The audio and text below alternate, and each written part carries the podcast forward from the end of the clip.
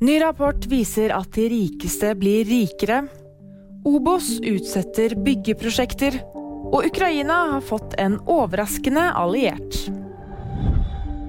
En ny rapport viser at de rikeste 1% i verden tjente nesten dobbelt så mye som resten av befolkningen de siste to årene. Det melder organisasjonen Oxfam. Samtidig som 1,7 milliarder mennesker opplever at prisene øker raskere enn lønningene sine, vokser milliardærenes formuer med 27 milliarder kroner hver dag, ifølge Oxfam.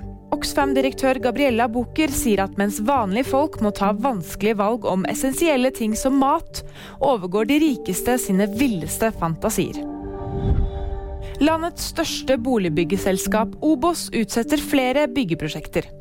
Ifølge konsernsjefen i Obos, Daniel Sirac, koster det mer å bygge boliger enn hva det er mulig å tjene på å selge dem i dagens marked. Dette rammer prosjekter flere steder i Oslo samt i Bergen og Sverige. Den lokale beverbestanden har blitt en uventet alliert for Ukraina i krigen mot Russland. Dyrene hjelper Kiev å bygge demninger som gjør bakken bløt og vanskelig å gå på. Det betyr at det er mindre sannsynlig at russerne vil angrepe via Belarus, som grenser til Ukraina ikke langt fra hovedstaden. Og VG-nyheter de fikk du av meg, Fride Rivø Lie.